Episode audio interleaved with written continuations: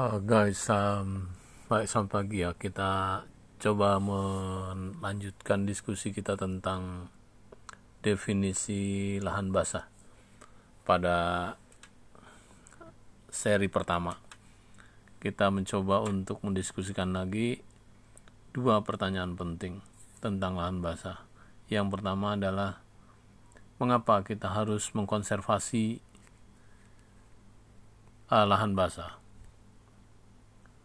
setelah kita mengetahui apa definisi definisi lahan basah kemudian sampai Ramsar juga membuat uh, batasan-batasan uh, maka kita mempertanyakan lebih dalam mengapa lahan basah itu harus dikonservasi agar lestari tentunya. Um, seperti kita ketahui bahwa bagian utama atau sentral dari lahan basah. Sentral dari diskusi setiap lahan basah adalah air, dan manusia memerlukan air untuk kelanjutan hidupnya. Maka, jawaban yang pasti kenapa konservasi lahan basah harus dikonservasi adalah untuk tetap menjaga agar air selalu tersedia selain dari air, tentu saja banyak hal lain yang juga dipertahankan. Misalnya seperti lahan basah yang menjadi tempat atau menjadi habitat untuk berbagai macam organisme hidup dan diperlukan oleh manusia, misalnya ikan, dan berbagai organisme perairan lainnya yang bermanfaat untuk kehidupan atau penghasil protein. Selain dari ikan, banyak invertebrata yang lain, misalnya udang dan lain-lainnya. Kemudian amfibi, reptil, mamal, burung. Bahkan manusia bisa memanfaatkan lahan basah untuk memenuhi kebutuhan karbohidrat misalnya dengan menanam padi dan dan bahkan dengan memanfaatkan teknologi yang baru mereka bisa mempelajari bagaimana menanam tanaman-tanaman penghasil makanan. Tetapi di sisi lain lahan basah juga um, harus menanggung beban dari uh, aktivitas yang dilakukan oleh manusia. Misalnya saja kegiatan yang dilakukan di lahan basah bukan hanya diperuntukkan atau sementara ini dimanfaatkan oleh organisme selain manusia, tapi manusia juga seperti tadi turut mereka membuka ladang bertanam. Kemudian mereka juga memanfaatkan untuk pemukiman dan lain-lain, maka penambahan populasi manusia juga menimbulkan tekanan terhadap lahan basah di seluruh dunia. Bahkan dalam waktu 20 tahun yang akan di, dua yang akan datang diperkirakan akan ada pertambahan 70 juta manusia. Dan ini semuanya bergantung atau mendapatkan air. Umumnya atau utamanya juga berasal dari lahan basah. Karena lahan basah menyiapkan air tawar. Sementara air laut yang mengandung garam tidak dapat dimanfaatkan secara langsung untuk kebutuhan manusia kecuali ikan laut dan beberapa organisme laut lainnya. Membicarakan tentang konsumsi air untuk dunia, maka ada catatan kecil yang telah dipublish banyak bahwa kebutuhan air sejak tahun 1900 sampai sekarang tahun 2000 lebih dari enam kali lipat saya ulangi kenaikannya lebih dari enam kali lipat. Ini lebih ini lebih banyak 100% atau menjadi dua kali lipat dari jumlah penduduk dunia. Sehingga diperkirakan pada tahun 2025, lima tahun lagi,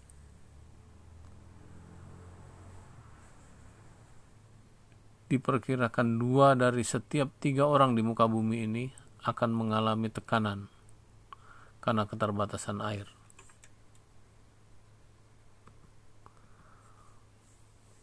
Kemampuan sementara di sisi lain kemampuan lahan basah untuk berhadap beradaptasi terhadap perubahan iklim ini juga masih terus menjadi kekhawatiran tetapi yang lebih mengkhawatirkan adalah pertambahan populasi yang menyebabkan fungsi-fungsi lahan basah itu lebih cepat terdegradasi. Sehingga harus disadari bahwa lahan basah itu adalah sesuatu yang sangat penting. Bahkan kadang-kadang sangat mendasar, sangat esensial untuk kesehatan, untuk kesejahteraan, untuk keamanan, dan untuk kehidupan manusia yang tinggal di sekitarnya. Dan perlu dicatat bahwa lahan basah adalah lingkungan yang paling produktif dan menyiapkan menyediakan banyak manfaat untuk kehidupan. Dengan demikian bisa difahami bahwa lahan basah itu mempunyai nilai penting yang memberikan manfaat sangat besar baik di bidang ekonomi misalnya saja dengan memanfaatkan air yang sering kita sebut dengan air baku, air sungai dan lain-lain, air danau untuk kepentingan air bersih. Lahan basah juga menjamin selalu tersedianya protein. Karena di lahan basah banyak sekali kegiatan perikanan yang dapat dikembangkan. Dan ini tentunya akan berdampak kepada peningkatan kesehatan. Kemudian di bidang pertanian, lahan basah juga menyiapkan berbagai macam komoditas penghasil karbohidrat yang paling diperlukan baik oleh manusia maupun makhluk hidup lainnya. Tentu ini di lahan basah yang dangkal. Kayu, penghasil kayu, kalau di tempat kita yang terkenal adalah kayu galam. Kemudian menjadi sumber energi. Sebenarnya kita bisa memanfaatkan vegetasi lahan basah yang begitu produktif untuk mendapatkan energi. Kemudian ada gambut yang di dalamnya terkandung metan. Dan jangan lupa juga lahan basah adalah tempat habitat bagi sumber daya kehidupan di alam bebas. Ada reptil, ada ikan, dan banyak invertebrata lainnya. Lahan basah juga bisa dimanfaatkan untuk sarana transport, transportasi. Dan tidak sedikit wisatawan yang ingin berkunjung ke lahan basah untuk kegiatan-kegiatan wisata alam dan rekreasi lainnya. Lahan basah mempunyai atribut khusus di beberapa negara. Lahan basah erat kaitannya dengan budaya dan bahkan agama. Agama-agama atau kepercayaan yang percaya dengan perspektif kosmologikal banyak memanfaatkan lahan basah.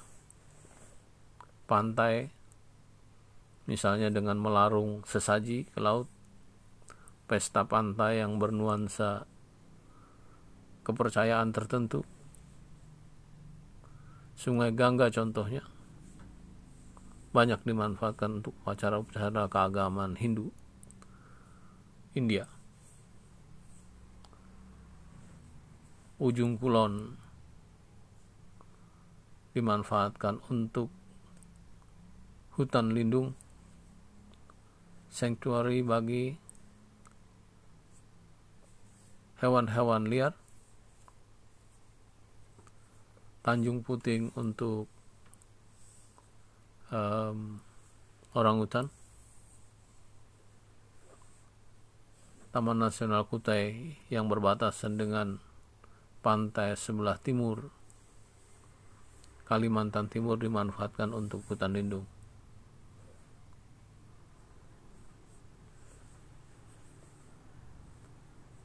Namun berbicara tentang lahan basah, kita perlu mempelajari pula adanya tekanan, adanya ancaman yang ingin memanfaatkan lahan basah untuk berbagai kepentingan. Misalnya saja untuk drainase.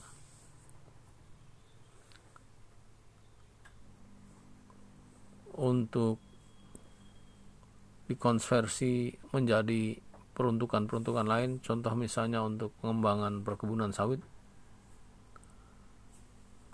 kemudian untuk penampungan polusi,